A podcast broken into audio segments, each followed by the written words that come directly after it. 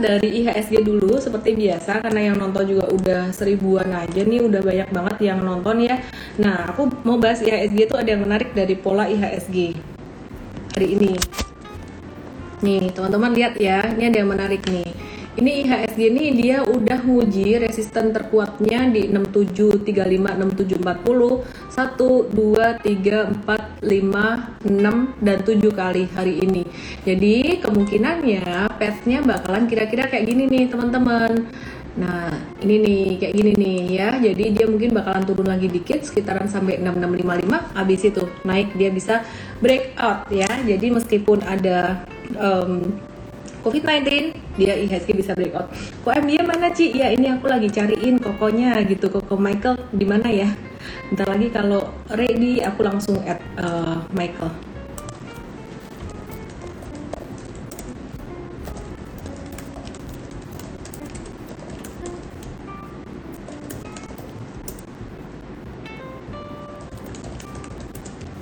Oke, terus teman-teman hari ini tadi sambil nunggu Koko Michael siap nih ya, Michael Yo.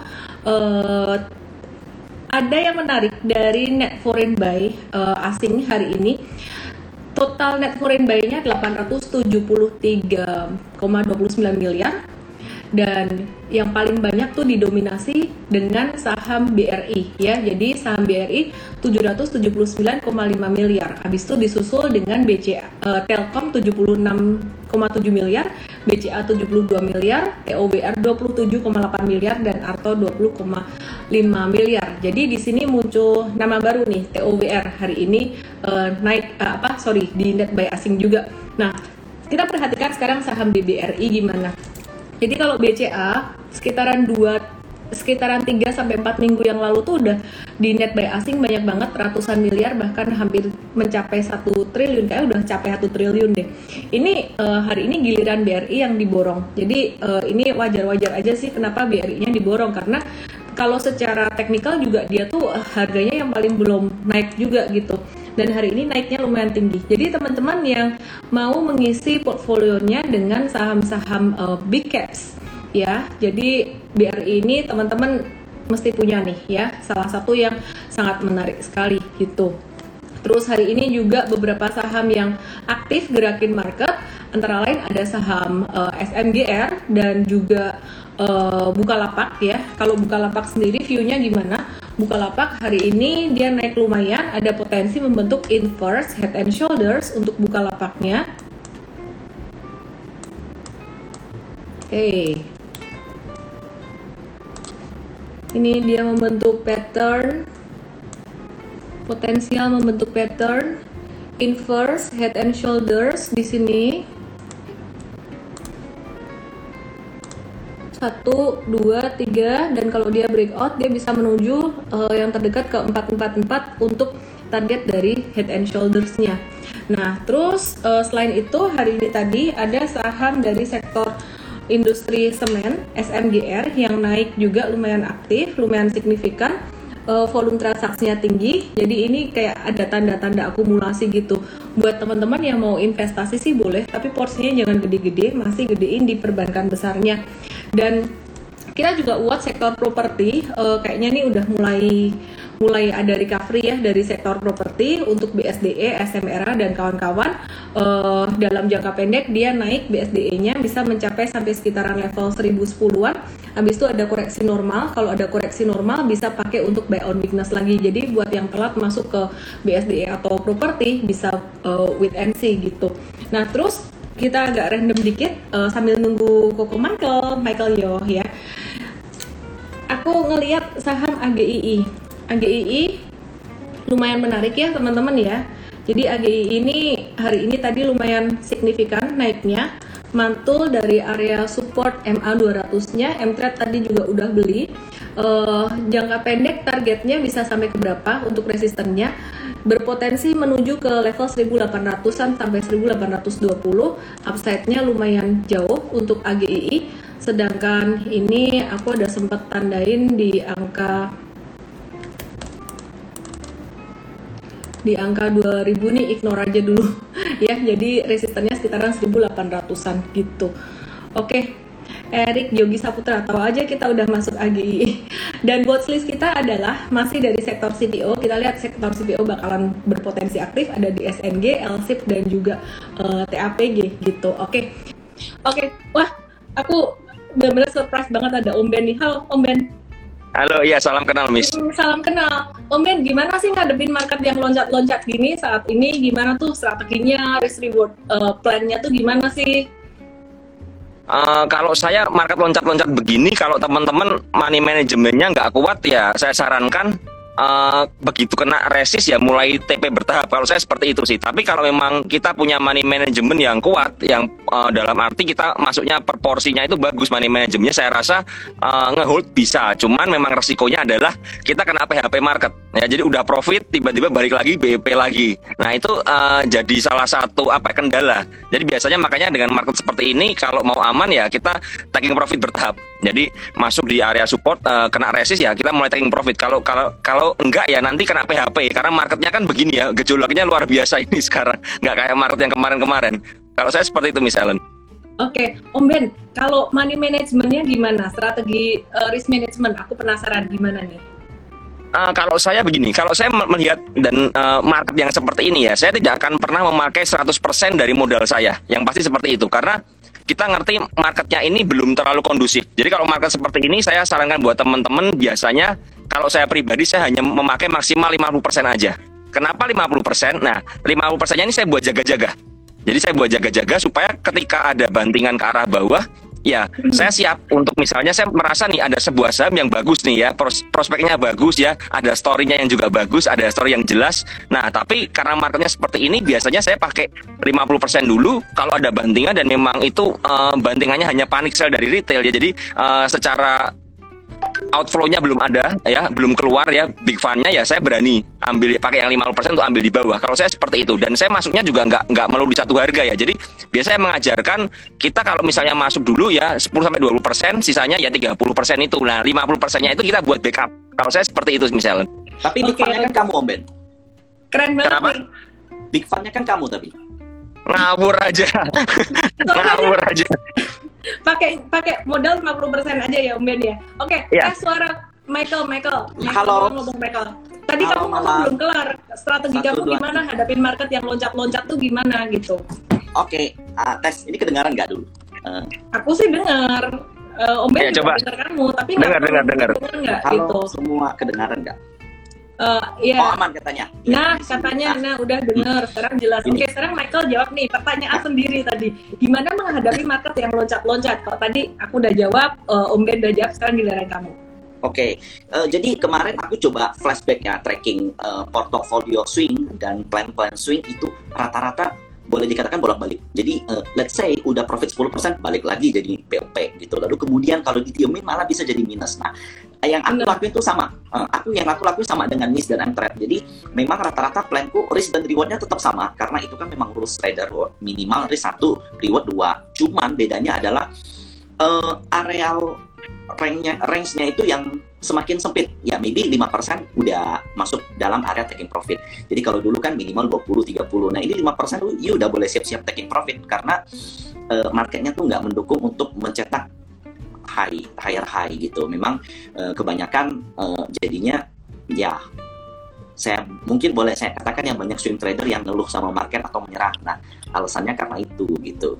Halo Ci, Ali. Halo Ci. ada Ci Ali juga rame nih. Oh, iya. Aduh, aku senang banget. Makanya aku senang banget malam ini. Oke, okay. Ya tadi tuh kita lagi ngebahas ini Ci, market tuh loncat-loncat gini, gimana strateginya. Tadi aku bahas bahwa kita tuh mix dengan uh, swing dan juga scalping juga kadang-kadang. Terus tadi Om Ben bilang pakai 50% gitu.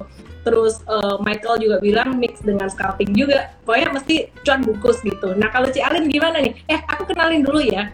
Ci Alin ini uh, dulunya adalah presenter kenamaan gitu ya dari di CNBC ya sih ya CNBC Indonesia. Sekarang si Cialin ini sekarang dia jadi uh, influencer saham yang yang keren banget lah pokoknya. Aku suka banget follow Instagramnya Cici ini. Kalau Cici gimana nih Cici strategi tradingnya? Saya masih belajar, jadi uh, lagi belajar jadi scalper. Jadi memang uh, saya ngerasa uh, kemarin terutama Januari ya agak berat gitu tapi di awal Februari ini lumayan. Kayaknya kalau misalnya sekarang itu saya ngerasanya misalnya kita uh, abis cuan gitu ya nggak boleh greedy sih. Makanya saya pernah bikin status kan di Instagram gitu. Kayak buat saya patokannya saya kan tadinya makan gaji ya jadi gaji berapa sebulan dibagi uh, 20 hari kerja itu berarti saya nyari duit di market maaf nih nyari duit di rumah. Hmm terus uh, segitulah target saya. Maksudnya bukan untuk membebani diri ya tapi maksudnya biar sayanya nggak greedy kayak gitu loh. Kadang-kadang hmm. tuh pengen cuannya mau banyak gitu. Ujung-ujungnya dari uh, floating profit malah jadi nggak maksimal gitu. Sekarang itu saya ngerasa uh, cukup apa ya menantang banget buat kita cari cuan kalau saya bilang ya. Jadi kayak bantingannya tuh lumayan lumayan tadi gitu. Oke. Okay. Dari saham yang misalnya coba teman-teman perhatiin saham yang saham pemenang di hari sebelumnya misalnya diposting nih oleh followernya uh, Ko Michael gitu misalnya mereka say thank you ke hasil analisanya Ko Michael gitu saham-saham yang pemenang hari berikutnya besok paginya tuh dipiting udah loh. ganti bener udah ganti Aku kena ART malah Ci beberapa Bener, aku setuju itu. Jadi kita juga itu sadis banget, banget marketnya gitu. Jadi kita harus sadis banget ya. Kalau saya bilang, iya.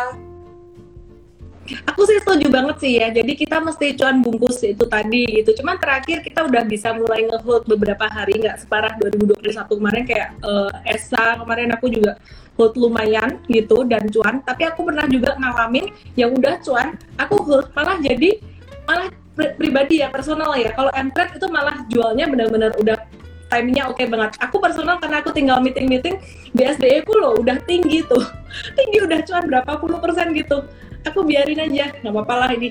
Turun balik sampai BEP gitu. Jadi ya iya, anyway iya. Ellen beda sama entret entret better dan Ellen lah.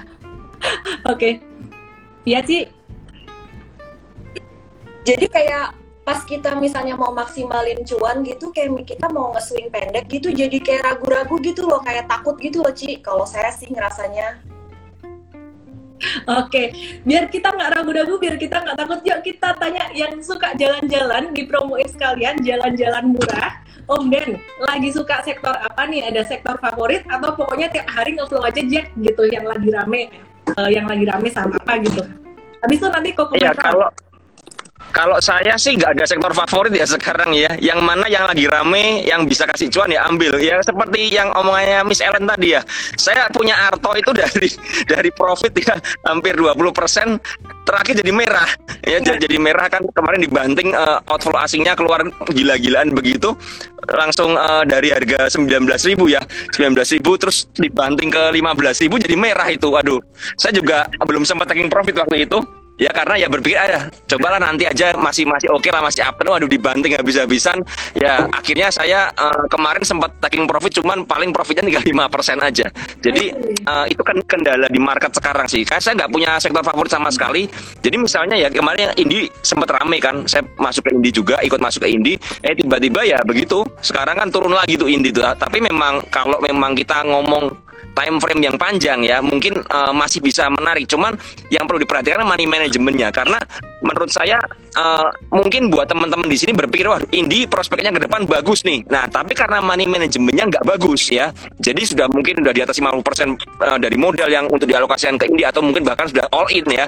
Kemudian dibanting panik ya. Akhirnya kita cut loss. Udah cut loss turun lagi besok mantul lagi. Kan yang sering terjadi kan seperti itu. Nah makanya uh, di market seperti ini saya sering bilang sih kalau kita punya money management yang bagus ya sahamnya tepat itu kita bisa bertahan. Kalau kita nggak punya money management yang bagus hanya ikut-ikutan orang ya dan terutama suka all in all in. Begitu pasti berantakan pasti pasti apa ya muntah-muntah dengan market. Kalau saya sih seperti itu misalnya nah market ini kan lagi volatile banget ya. Pernah tadi kayak ngalamin kayak Om Ben udah cuan terus jadi BEP malah bisa jadi rugi. Ada juga nih yang nyangkut udah nyangkut banyak terus tiba-tiba naik lagi balik lagi. Contohnya kayak Adaro tadinya udah jatuh dalam terus kemudian naik balik lagi gitu. Nah kalau Michael sendiri nih gimana nih pengalamannya? Ini fansnya udah pada nungguin Koko MJ ngomong dong ini ini justru aku mau highlight dari yang Miss ngomong ya. Uh, ada satu tadi kalimat yang bagus banget yang Miss ngomong. Uh, kalau uh, ketika kita nge-swing, eh ketika kita uh, scalping itu kita mesti pastiin ada porsi yang untuk kita keep. Itu is very very very very good. Karena gini, uh, boleh bisa nggak sih kita nge-scalping di saham yang contohnya proyeknya itu untuk swing? Jawabannya bisa banget. Jawabannya bisa banget. Cuman masalahnya satu. Uh, you know that market ini uh, sedang dalam keadaan yang very volatile. Jadi ketika hari ini naik, let's say 20%, besok itu bisa minus gitu. Bisa ARB 4 kali, ujung-ujung jadi minus. Nah, bayangkan kalau seandainya kamu beli di atas, all in lagi. Nah, itu udah pasti kamu bakal salahin sahamnya.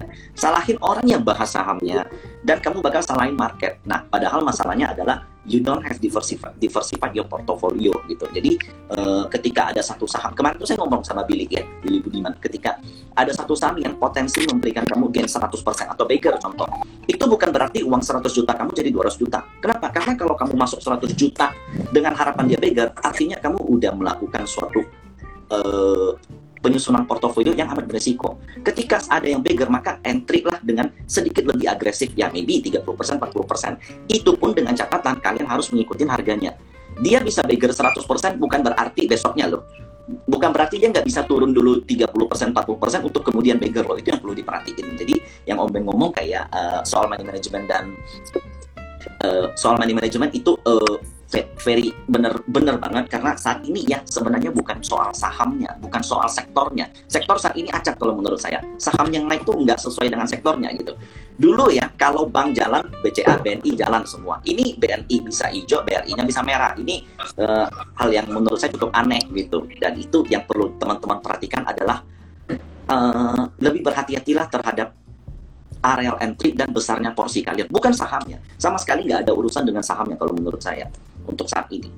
Menarik banget. Sebelum aku ke Cialin lagi ya nanti ya, aku mau uh, ini nih bahas tentang sektor favorit. Sektor favorit itu sebenarnya kalau aku lihat dalam jangka menengah panjang sih uh, mungkin saat ini yang lagi ini tuh uh, perbankan besar yang buat invest. Tapi kalau sebenarnya buat trading tuh ganti-ganti kayak yang tadi Om Ben dan Jalin dan Ko Michael bilang gitu ya. Jadi mungkin abis uh, abis batu bara besok kita lihat mungkin CPO juga potensi untuk aktif. Jadi kayak mesti harus nyimak terus day to day-nya nah mungkin nih boleh dong nanya dikit nih nanya dikit sama uh, para Cici dan Koko ya. Uh, start dari Om Ben dulu deh yang baru aja ganti baju. Tadi kan lampunya warna-warni sekarang ganti tampilan nih. Ayo Om Ben Iya Sebenarnya saya itu ada, ada di apa di pinggiran seperti itu ya. Tadi uh, waktu iseng kan, saya itu lagi rendam air panas, lagi rendam air panas. Jadi buru-buru tiba-tiba kan Miss Aaron uh, undang saya live langsung pakai baju udah ada ya tempat tapi ini saya sudah balik ke tempat yang lebih proper ya coba teman-teman nggak pusing lihat warna-warni warna-warni itu. Oke, okay, okay. baru berendam. Oke, okay. Om Ben, akhir-akhir ini lagi trading sama apa sih?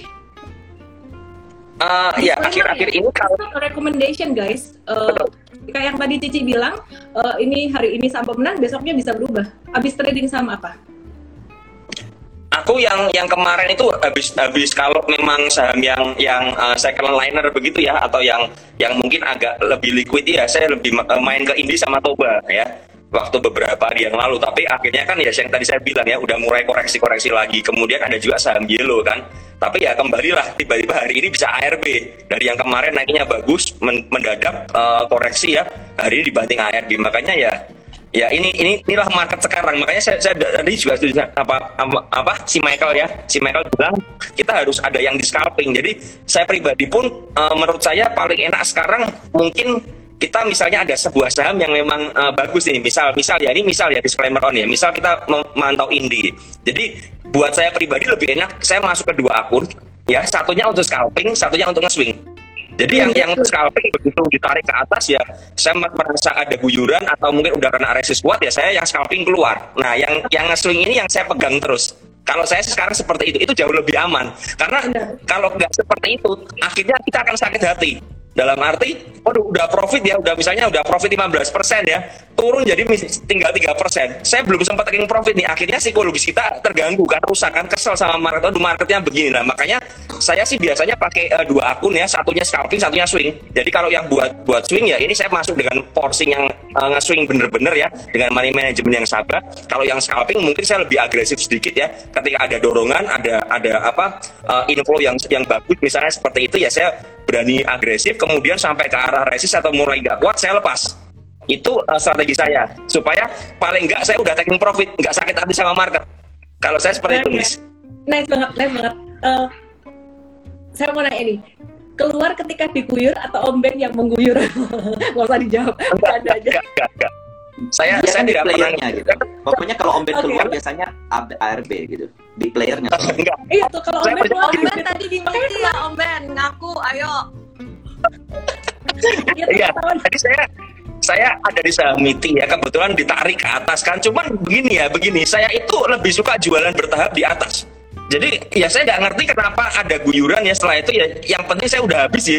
Harga 230-an saya udah kelar ya. Udah kelar ya sudah. Saya udah udah keluar saya udah jemur dan saya nggak ngeguyur. Karena prinsip saya eh, barang saya jujur nggak terlalu banyak jadi nggak mungkin ngeguyur buat apa ngeguyur kalau saya bisa jualan di pucuk ya ya saya jual di pucuk seperti itu Ini saham Toba, inilah momen di mana Om Ben keluar. Om Ini- ini momen di humble mana ya Om Ben teman-teman.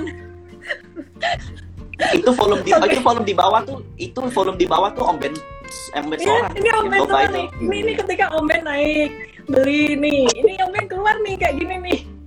Coba Ci, Enggak, kita enggak. coba Ci. Brongsungnya Miti, ada. Miti, kita coba lihat ya. Miti nih kita lihat nih. Ini adalah momen di mana Om Ben keluar nih. Oh ini tadi Om Ben tarik terus dibanting langsung dijual nih Om Ben keluar. Iya gitu Ci. Jambulnya tinggi banget ngalahin jambul ke Michael Yo. Aku coba Oke, cek bercanda ya, brosurnya bercanda ya. ya Om ya. Yang Oke, jual itu OB, Om Ben, broker kode Om Ben, brokernya. Om Ben. Om Ben ya. Si Alin, sekarang Enggak. si Alin sama Ko Michael. Abis trading saham apa aja nih? Nanti kita lihat chartnya. Abis mereka trading gimana chartnya? Saya dulu ya. Saya tadinya juga eh, eh, di Indi, kemudian eh, karena saya menyimak apa yang dibilang Kak Michael ya. Jadi saya take profit dulu. Kata Kak Michael kan nanti akan koreksi itu 1900 sampai 2000. Nanti bisa cover lagi bahwa beneran kesentuh ya area itu ya. Tapi saya agak ketinggalan tadi. Ya udah.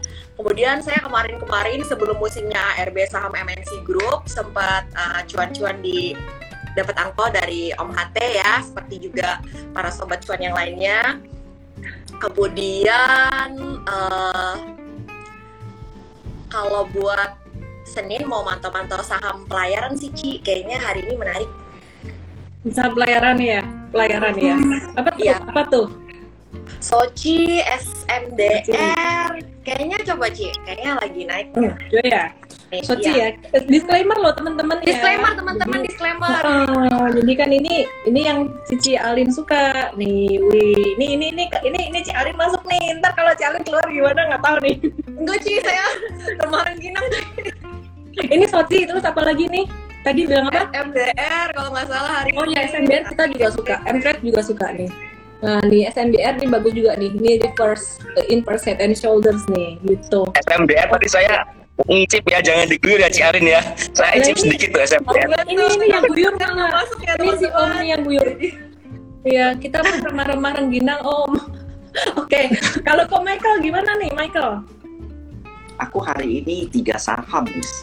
Eh, di Amar, BGTG sama MPPA, tapi eh, itu agak agak saham-saham yang beresiko semua sih. Soalnya market BGTG-nya udah keluar belum kok Michael? belum BGTG semuanya baru masuk. Justru semuanya baru masuk. Tapi Amar di karena diarah aku kurangin sebagian porsi. BGTG baru mulai masuk, MPPA masih masih punya. Lalu kayaknya kayak eh, ini Miss mungkin ngelihat sama kali ya. Kayak eh, Double bottom. ya bener. Lalu kayak Ya, Aba juga ada double bottomnya sih double. Ya ini udah ada panahnya targetnya 306. Cuman kok candlenya hari ini hitam ya? Eh apa merah dikit gitu ya. Kita lihatlah Ya. nanti barangkali bisa breakout dari 250 252 ini. ini apa ya Miss? Ini BGTG. Oh, Sama kamu BGTG. oh iya, iya itu aneh nih. Soalnya pagi-pagi tuh opennya tinggi sekali, habis itu turun. Kayak ada yang uh, beli di atas gitu. Tapi di bawah dia mulai narik, makanya jadinya merah. Kayak Bovin kan suka begitu dulu. I see, kayak Om Ben ya.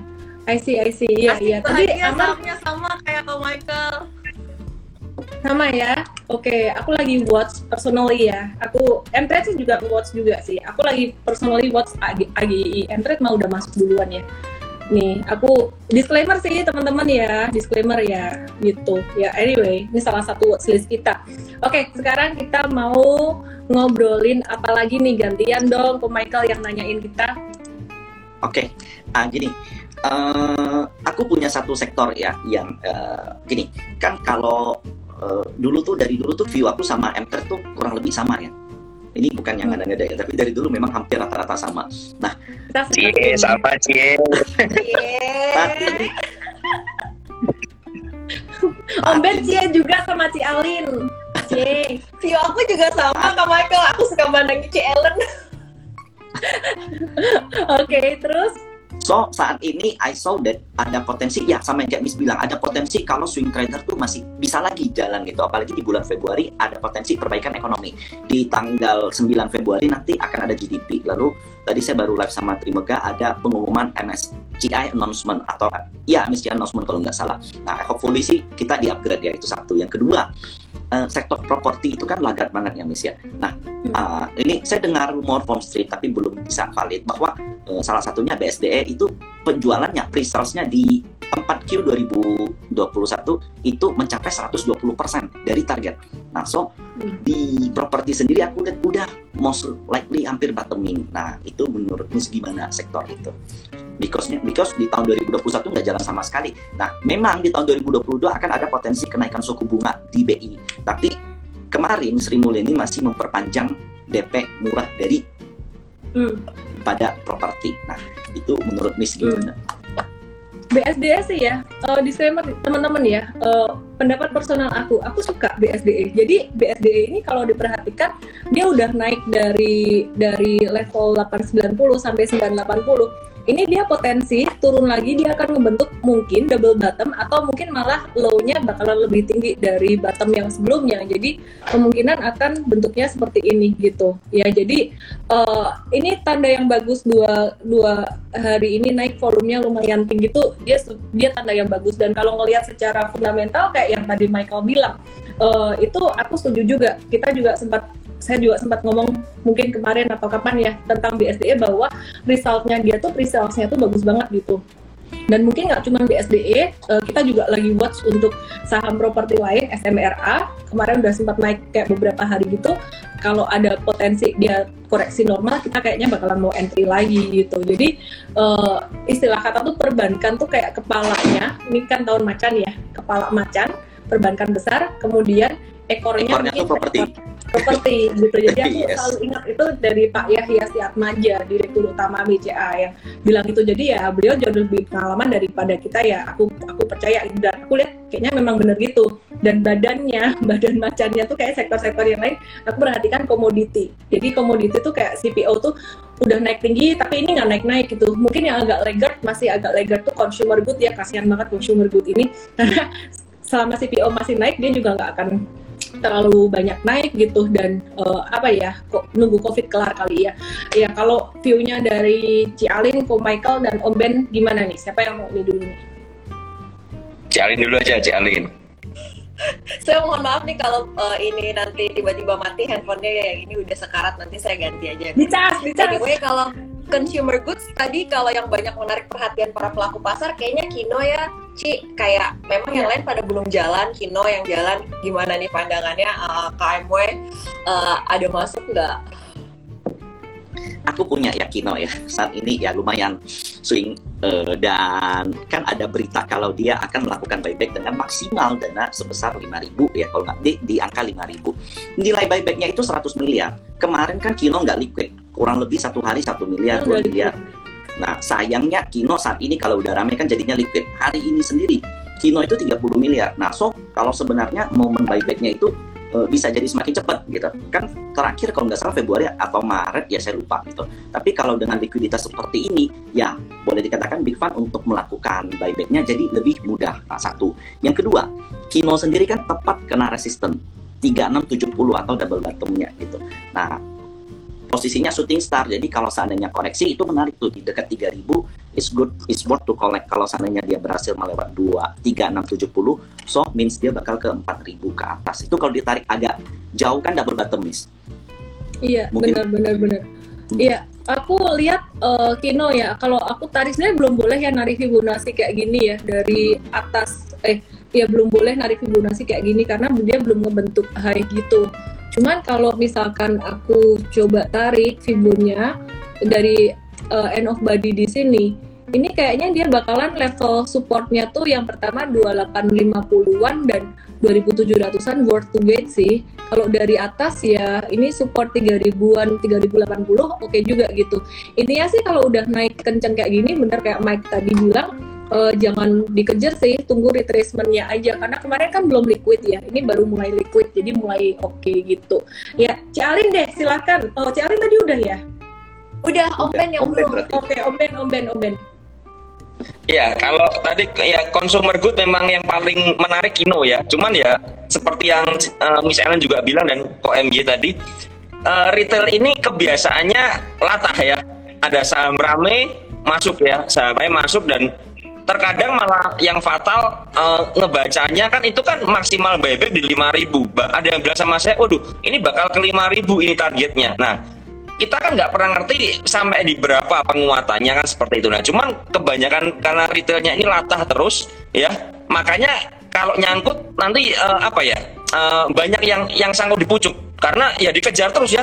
Ada saham naik dikejar, saham naik dikejar dengan harapan akan naik lebih tinggi lagi. Sudah tradingnya udah nggak pakai analisa nih mereka. Berharap jadi udah punya harapan nih. Harapannya Kino ke 5000 kan. Oh sekarang masih 3600 3000 masih ada 1500 lagi kan. Masih lumayan ini. Nah akhirnya eh, teman-teman ini nggak pernah menganalisa dulu tapi langsung dihantam dulu baru dianalisa.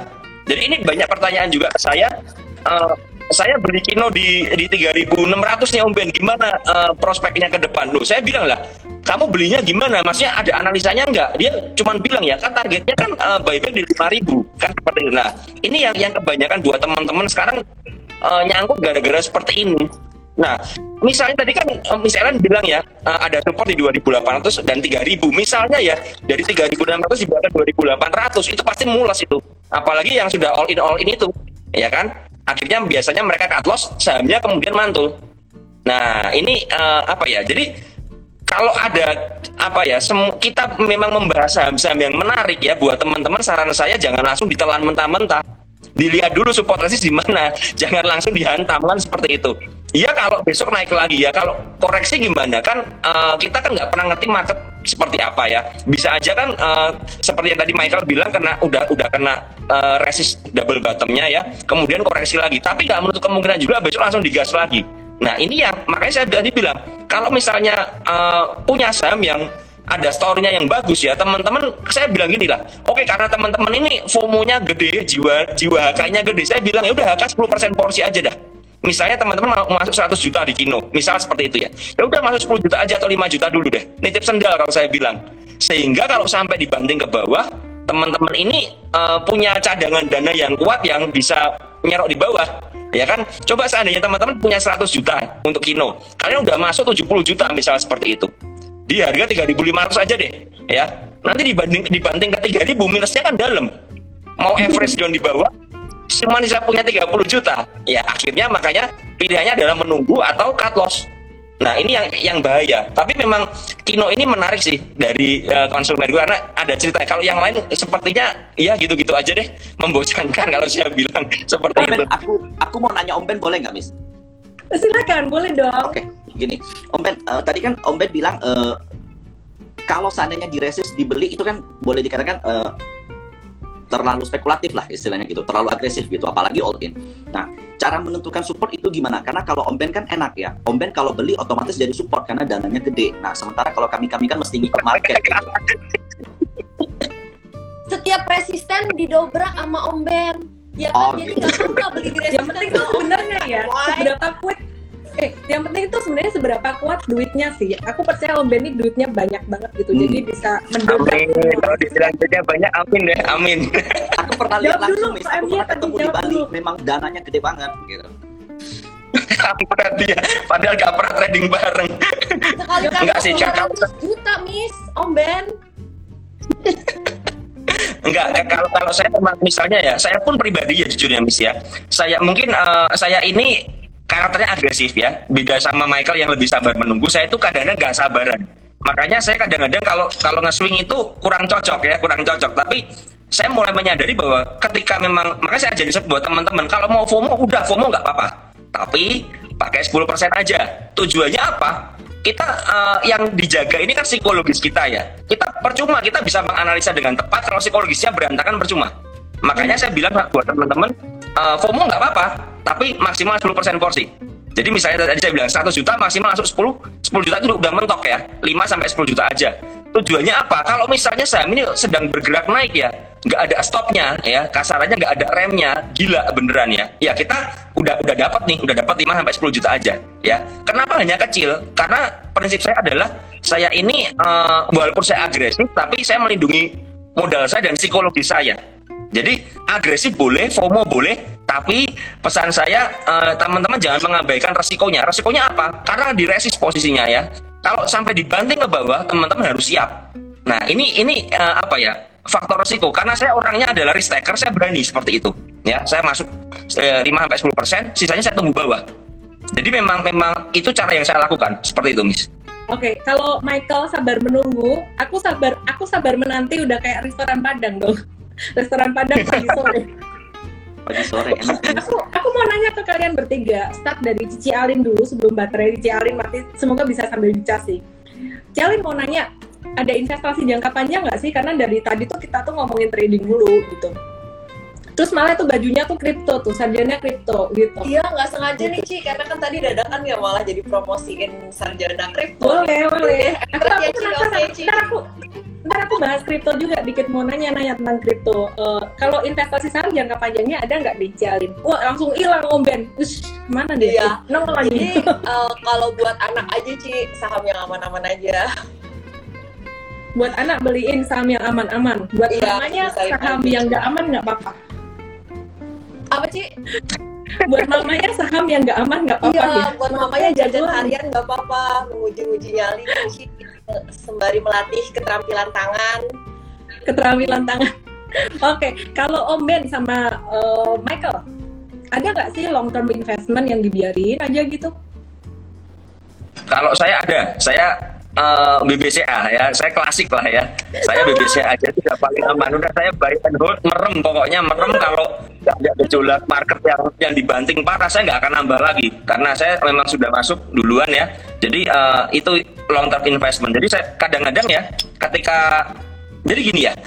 Kalau kita ngomong soal long term investment menurut saya sih uh, seorang investor yang benar ya itu suka sebenarnya dengan dengan crash market ya kayak covid kemarin. Tapi memang kita nggak berharap seperti terjadi ya karena kasihan uh, teman-teman yang lain juga. Tapi buat investor itu adalah time to buy ya. Jadi kalau memang sudah bergerak rally seperti atau lagi menyentuh ATH, itu investor tuh menurut saya ya, saya pribadi, saya melihat kebanyakan teman-teman saya yang yang investor juga yang long term itu malah nggak nggak ngapa-ngapain, ditungguin aja. Nah nanti ketika marketnya dibanting, nah dia melihat waduh ini sudah mulai bisa beli nih, orang udah mulai panik kan, nah mereka baru serok di situ. Jadi buat saya long term investment cuma ada BBCA aja sih, klasik banget ya. BCA uh, masalahnya pas dibanting ada duitnya atau enggak itu aja. Nah itu itu masalahnya. Masalahnya kan makanya saya bilang ya buat apa ya money management itu penting. Jadi kalau saya ya uh, mengalokasikan di porto itu saya terpisah Ellen ya. Jadi ada porto yang bener swing, ada yang invest, ada yang scalping. Nah porto yang invest ini dananya nggak boleh diapa-apain. Tujuannya apa? Kalau sampai ada sesuatu, saya bisa ambil di bawah. Makanya saya tadi bilang money management ini penting banget dan saya membagi ke beberapa porto, beberapa sekuritas maksud saya ya. Jadi tujuannya apa? Karena saya itu kan memang uh, hari-harinya scalper ya. Ketika saya jadiin satu nanti pasti akan gatal. Ini udah udah profit nih atau gemes kadang-kadang ini saham nggak gerak-gerak udah cuma 30% tapi turun ke 25 naik lagi ke 27 turun ke 25 akhirnya karena nyampur jadi satu kebanyakan teman-teman itu diikut di taking profit makanya plannya berubah semua. Makanya saya, saya dari situ menyadari ya dari pengalaman saya juga dulunya saya akhirnya membagi ke beberapa sekuritas. Yang untuk invest ya invest aja scalping scalping aja swing ya swing aja. Itu uh, jelas aman Benar. buat buat saya. Menurut saya seperti itu Bener, aku setuju sih karena uang itu seperti air. Kalau dimasukin dalam satu ember campur-campur, strateginya pasti kecampur-campur. Yang mau trading pas nggak cut loss nyangkut jadi investasi. Yang investasi cuan jadi keambil, jadi pasti dipisah-pisah. Oke, jangan-jangan yang beli BCA dalam seminggu sekitaran 3-4 minggu yang lalu tuh sampai satu triliun, jangan-jangan salah satunya adalah Om Ben ini. Enggak lah. Oke, Michael. Saya punya, Ya. punya BCA sebelum stock split sih. Oke, nice, nice, nice. Kalau Michael gimana? Oke, tapi aku mau nanya Om Ben lagi nih sebentar nih sebelum Lu aku nanya terus, gantian Ah. kamu yang jawab dulu. Kamu kamu ada investasi nggak? Nanya terus. Soalnya soalnya gini, scalpingnya scalping Om Ben kan dalam waktu detik ya atau menit ya. Kita Nah, proyek Om Ben yuk, kita proyek aja. Long termnya ini perlu dipertanyain. Long term Om Ben ini dua atau tiga hari atau berapa bulan Oh, iya, gitu. Berapa lama tuh long termnya investasi? Kan karena dia. Om Ben gitu, Jangan-jangan dua hari itu udah long term bagi itu mesti dipertanyain gitu. Enggak, enggak, enggak. Saya benar-benar long term. Jadi saya punya satu porto di satu sekuritas ini. Memang saya nggak pernah lihat sampai sekarang isinya cuma BCA sama BRI aja. Udah itu sudah nggak pernah saya lihat sama sekali. Jadi ya udah biarin. Aku juga sama loh. Aku punya satu portal tuh isinya BCA, BRI, ada ICBP dikit lah gitu.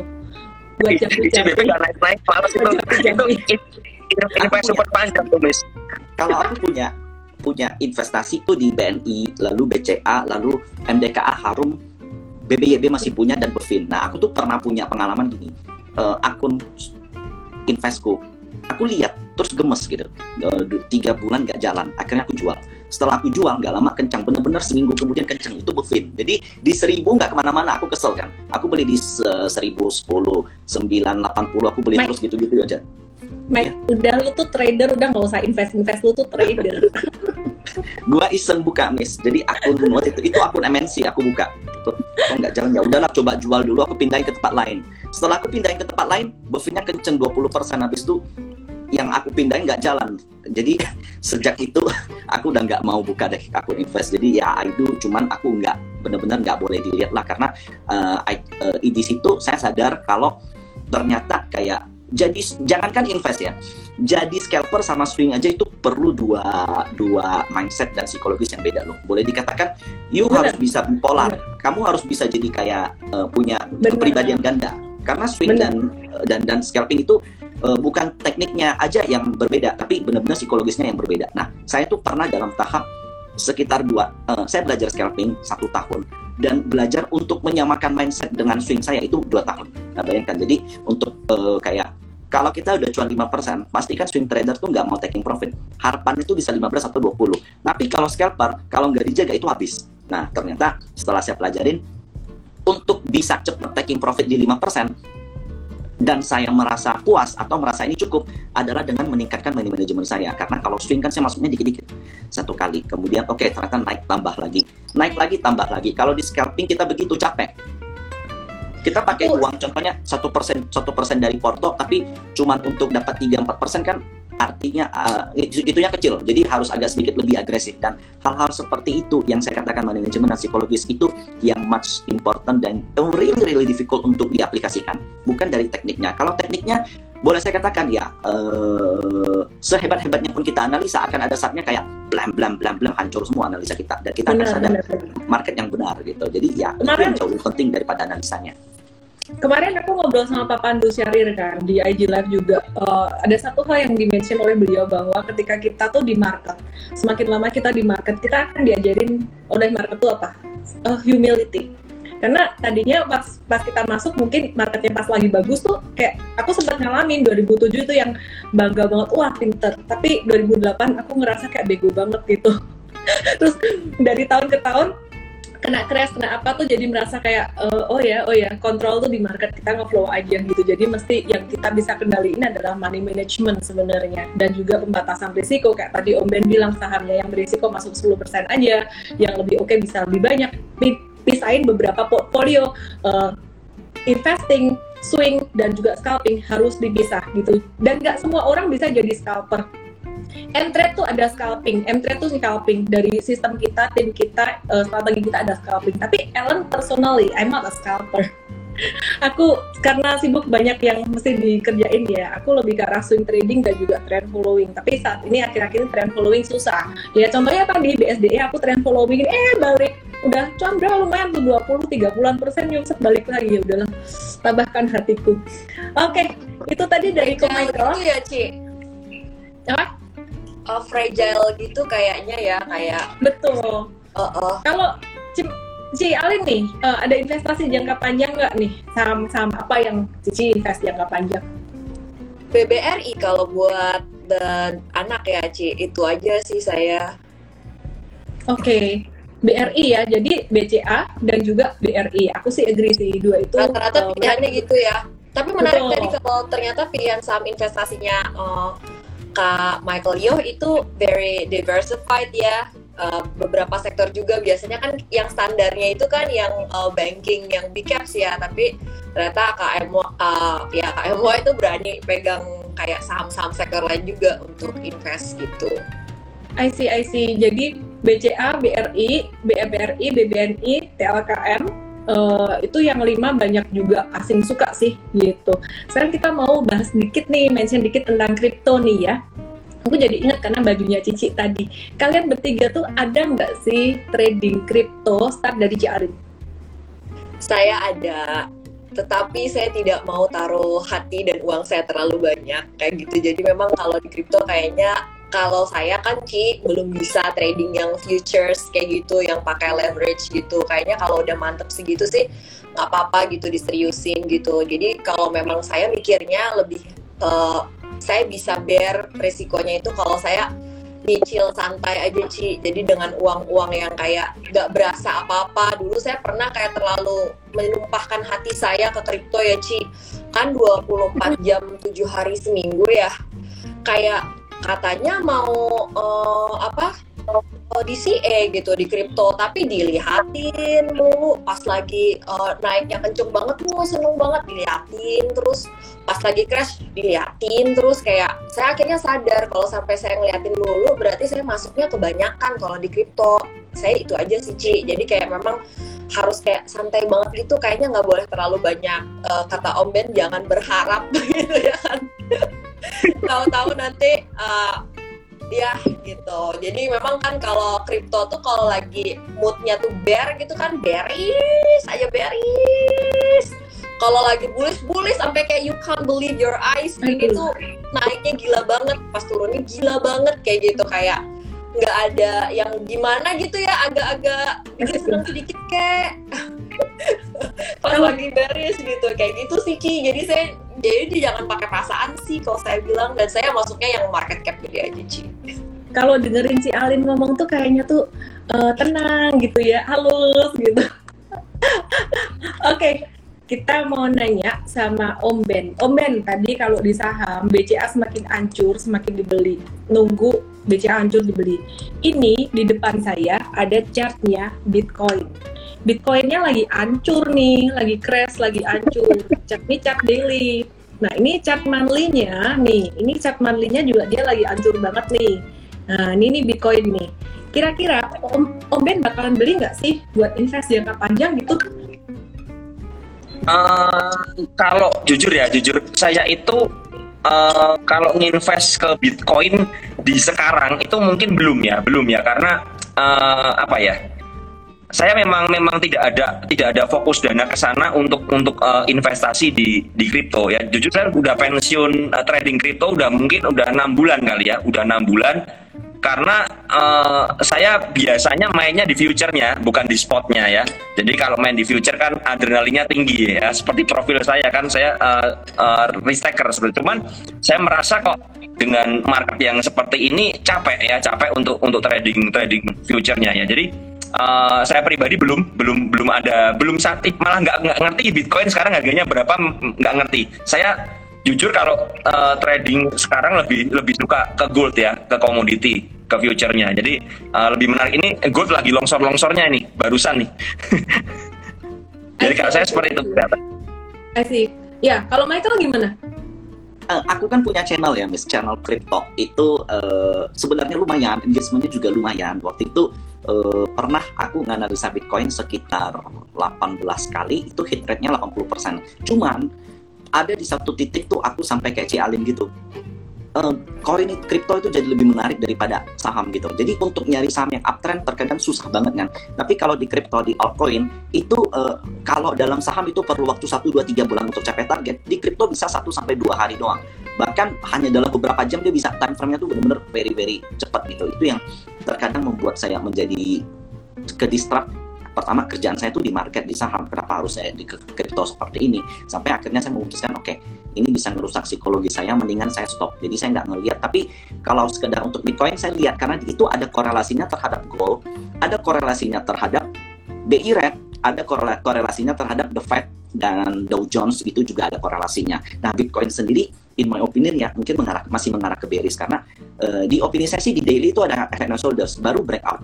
Uh, jadi masih ada potensi untuk penurunan. Tapi kalau untuk invest in Bitcoin, uh, saya enggak, karena menurut saya underlying-nya masih kurang jelas. Memang dia nggak bisa cetak lembar-lembar, ya boleh kalau di saham kan ada lembar saham. Kalau Bitcoin kan dia uh, uh, apa namanya? Uh, ya intinya jumlah Bitcoin itu nggak bisa bertambah, jadi memang transparan. Nah, tapi underlying-nya in my opinion masih belum begitu kuat sekuat saham. Ya Alin hilang, baterainya habis ini. Baterainya mati. Iya, yes, iya. Thank you ya si Alin ya. Semoga masih sempat nonton dari HP lain. Uh, thank you buat si Alin gitu. Oke, aku juga pernah ngalamin sih momen-momen kayak si Alin dan juga uh, Michael di April 2021 ketika Dogecoin itu naiknya luar biasa gila-gilaan intinya sih teman-teman mau di saham mau di kripto sebenarnya nomor satu adalah sadari ada resiko gitu aja. Kalau aku ditanya di kripto masuk nggak sih? Personally personally uh, bitcoin itu aku ngumpulin dikit-dikit jadi nggak langsung banyak langsung hajar gitu. Jadi it's not empty ya it's myself gitu. Jadi aku kumpulin dikit-dikit gitu. Uh, selama masih ada cash ya dikitnya berapa ya? Dikitnya serelanya aku dengan kalau misalkan dia masih turun ya aku nggak sakit hati. Intinya itu aja. Oke okay, wrap up nih. Om Ben kasih satu closing statement Uh, kalau saya sih dengan markup yang seperti ini ya, ini jujur misalnya beberapa kemarin itu banyak sekali uh, curhatan ke saya trader tuh mau pensiun lihat market seperti ini ya karena rasa digebukin market ya. Makanya saya menarik kesimpulan dan saya selalu bilang eh, masa-masa uh, seperti ini adalah saat di mana teman-teman ini belajar ya. Belajar belajar untuk apa? Untuk mematangkan diri kalian dalam market ya. Kan ada pepatah kan pelaut yang tenang nggak pernah menghasilkan pelaut yang handal. Nah ini adalah saat yang menurut saya saat yang terbaik buat teman-teman untuk men-challenge diri kalian seberapa sih kalian layak untuk bertahan di market ya kan? Karena kalau marketnya bullish ya ada ada orang sebutan bilang ya maunya trading aja bisa profit katanya seperti itu ya.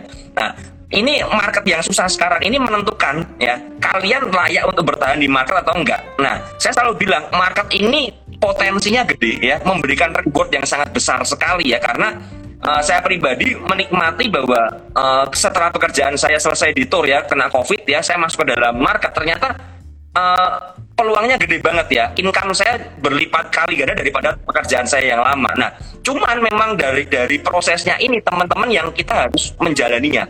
Proses ini yang kebanyakan orang nggak mau maunya instan ya. Makanya kan banyak kan pingin kayak instan ya. Pingin kayak instan. Akhirnya banyak yang tertipu di hal-hal yang lain ya. Seperti uh, yang kita dengar akhir-akhir ini ya lagi rame kan. Nah itu bermula karena mindset kita sudah salah. Nah makanya saya mau uh, mengencourage teman-teman di sini kalau teman-teman masih mau bertahan di market ya teman-teman harus belajar. Nggak ada cara lain. Nggak ada cara lain. Teman-teman mau sukses mau mau kaya ya. Mau kaya dari market ya belajar market ini kenapa saya uh, bilang seperti itu? Karena saya bisa uh, apa ya saya menyaksikan sendiri ketika saya bertahan di market dan saya belajar dengan dengan kesungguhan hati ya dengan mindset yang benar dan saya terus mau belajar ya. Market ini memang bagus banget rewardnya. Nah tapi kalau market lagi susah seperti ini bagaimana ya? Yang saya tadi bilang kecilin modal kalian uang belajar kalian dikecilin. Tujuannya apa? Supaya kalian nggak mengalami kerugian bayar dan akhirnya pensiun dari market. Nah ini ini uh, penting banget ya. Di karena marketnya benar-benar susah. Saya merasakan market yang yang sangat rumit kali ini ya. Uh, yang tadi Michael juga bilang sektornya bisa acak ya. Tiba-tiba BNI bisa naik BRI bisa merah. Dulu kan nggak pernah seperti itu. Rata-rata BNI naik BRI juga naik. Nah sekarang kan random rasanya. Nah ini market ya. Makanya tadi saya bilang di mana teman-teman harus belajar. Kalau teman-teman bisa bertahan di market seperti sekarang ini, saya jamin kalau marketnya normal atau pulih, teman-teman akan menikmati hasilnya. Ya, tapi ini adalah saatnya kita belajar. Itu aja closing statement dari saya misalnya. Eh, mau nanya Om Ben, Om Ben, udah berapa lama sih di market dari tahun berapa sih? saya mungkin di antara uh, teman-teman di sini saya terg tergolong baru Miss Ellen ya. Saya tuh baru 2017 akhir ya. Jadi saya bener-bener masih newbie seperti itu. Cuman ya puji Tuhannya saya dikasih apa ya? Dikasih percepatan saya bisa bisa bisa mengikuti market ya sampai sekarang. Tapi sejujurnya saya masih merasa newbie dan saya apa ya? Saya selalu bilang sama teman-teman, kenapa saya selalu bilang ngomong newbie ya karena saya masih harus banyak belajar dari senior-senior seperti Miss Ellen, seperti OMY ini yang sudah jauh lebih lama dan lebih berpengalaman seperti itu. Oke? Okay? Oke, okay, cakep. Michael, Michael, kalau dari kamu gimana, Michael? Okay. Jangan off dulu, Om Tadi ada ada ada ada unik tuh, ada follower Miss yang bilang closing statement closing statement hari Senin saham apa? Nah, itu itu satu okay. satu ya. Tapi Saya dibahas banyak loh. Watchlistnya ya. kita masing-masing di tengah-tengah udah bahas banyak loh sebenarnya it's not about the stocks ya. Tapi tentang bagaimana kamu bisa entry suatu saham I believe ya kalau kalian yang entry kino dari kemarin atau tadi pagi itu pasti semuanya profit sampai saat ini. Tapi tadi ada yang curhat sama Om Ben dia beli kino di 3600 itu literally resistant. Itu literally benar-benar ketika 3600 kalau teman-teman perhatikan volumenya menipis. Boleh dikatakan uh, chance untuk dia breakout itu kecil sekali. Kenapa kamu bisa beli kino di 3600 nah siapa pun yang merekomendasikan kino ketika kalian beli di 3, 3600 dan attitude kalian kurang baik, kalian akan menyalah-nyalahkan yang merekomendasikan Kino dan kalian akan menyalahkan sahamnya dan ujung-ujungnya kalian akan menyalahkan market. Nah, so ini yang perlu saya kabarin ke kalian bahwa zaman sekarang Miss Ellen setiap hari live dulu kan enggak kan. Nah, lu bayangin, terus kayak di Clubhouse lu bisa dapat info apa pun gitu. Di grup WhatsApp lu bisa dapat info apa pun. Di Discord lu dapat bisa dapat info apa pun. So, I guess you bisa dikatakan kita itu jadi too much information. Nah, di sini yang perlu kalian lakukan adalah kalian harus punya metode di mana titik entry kalian itu adalah titik entry yang dengan resiko yang sekecil-kecilnya tanpa memasukin emosi kalian. So, ini bukan lagi soal saham apa yang naik besok. Ini bukan so, bukan bukan soal story-story yang lagi, tapi gimana kamu bisa menempatkan posisi dengan baik dengan resiko yang bisa membuat kamu nyaman di market dan itu tidak menggurus equity kamu sehingga nanti satu tahun, dua tahun, tiga tahun, empat tahun, lima tahun ke depan, saham apa pun yang manggung, story apa pun yang ada, kalian bisa survive seperti yang Om Ben bilang. Jadi pelaut, uh, bukan pelaut, uh, laut yang tenang tuh nggak menghasilkan pelaut yang handal itu satu. Yang kedua, kalau saya ditanya tahun depan saham yang main apa, saya nggak tahu. Sama sekali nggak tahu ngeblank tahun depan itu ortunya seperti apa saya nggak tahu. guess banyak juga senior-senior yang nggak tahu lima eh, dua tiga bulan kemudian itu akan ada apa yang terjadi di global. Mana kita tahu kalau seandainya The Fed ternyata menaikkan suku bunga sampai tujuh kali, nah kita nggak tahu. Nah maka dari itu yang perlu kalian punya adalah suatu metode di mana itu bisa nyaman dan mengurangi resiko kalian di portofolio atau ketik dalam penyusunan portofolio kalian. Bukan soal senin saham apa. So ini final statement saya bukan soal Senin saham apa, uh, bukan soal sahamnya, it's all about timing. Jadi ini contohnya, kalau aku uh, mungkin tambahin tips dari Michael tadi ya, uh, bu biar lebih aman di market yang volatile, kayaknya tuh teman-teman lebih banyak untuk buy on weakness aja. Jadi buy on weakness salah satu caranya adalah kita lihat pantulan dari area-area support. Mungkin kalau teman-teman lihat pantulan yang pertama di sini atau yang kedua di sini, ini kan kayaknya masih uh, sideways gitu ya. Tapi ini lebih aman daripada kalau teman-teman uh, beli breakout di sini. Bukan berarti nggak boleh beli breakout, tapi kalau market lagi kayak gini uh, lebih baik buy on retracement dan ini tradingan uh, trade di SH yang salah satunya juga lumayan lumayan cuan gitu ya. Tapi kalau misalkan teman-teman masuk SH-nya di 640, which is itu udah deket resisten banget ya, itu lain cerita. Makanya kayak kata Michael tadi, uh, bukan soal sahamnya, it's all about timing gitu dan juga money management. Dan satu persamaan yang aku perhatikan dari para traders yang baik ada di sini tadi ada Alin, ada Om Ben, ada Michael, ada aku, terus ada uh, Mas Bekti yang kapan hari juga sempat uh, aku interview ngobrol di sini dan Pak Pandu Syahrir kemarin. Ternyata satu kesamaan para trader semuanya ini dan investor-investor ini adalah humility. Jadi di market itu kita benar-benar belajar tentang satu hal yaitu kerendahan hati. Jadi kalau kamu-kamu mau uh, mau uh, belajar di market, uh, kita mesti harus being flexible. Flexible itu artinya apa sih? Jangan kaku ngecap di kepala kita ini. Aku nih seorang investor, jadi anti dengan trading. Aku ini seorang swing trader, anti dengan scalping atau anti dengan investing. Nggak boleh kayak gitu, karena market berubah Jadi kayak Warren Buffett sendiri, uh, Warren Buffett sendiri dulu dia juga anti dengan perusahaan teknologi karena katanya aku nggak ngerti gitu loh. Tapi sekarang total kelolaan dari portfolio Berkshire Hathaway itu yang paling gede adalah Apple. Iya, itu dia. Oke, okay, thank you so much buat Om Ben, thank you so much buat Ko Michael. Jangan lupa follow Instagram Om Ben, apa namanya Om Ben, jalan-jalan murah dan jangan Jalan mahal. Oh, Jalan-jalan mahal. Orang kaya. Bagi dia murah, murah tuh bagi dia, bagi kita mahal gitu. Itu artinya. Jalan-jalan murah di Om Ben, terus underscore Michael Yo dan Ci Alin Alin Naja dan aku Ellen May Official, Ellen May underscore Official dan jangan lupa juga download aplikasi Android, ikutin channel ko Michael dan juga channel ko Om Ben gitu, ko Om Ben. Dadah, thank you semuanya. Dadah, thank you, thank you semua. Bye. Bye. Ya.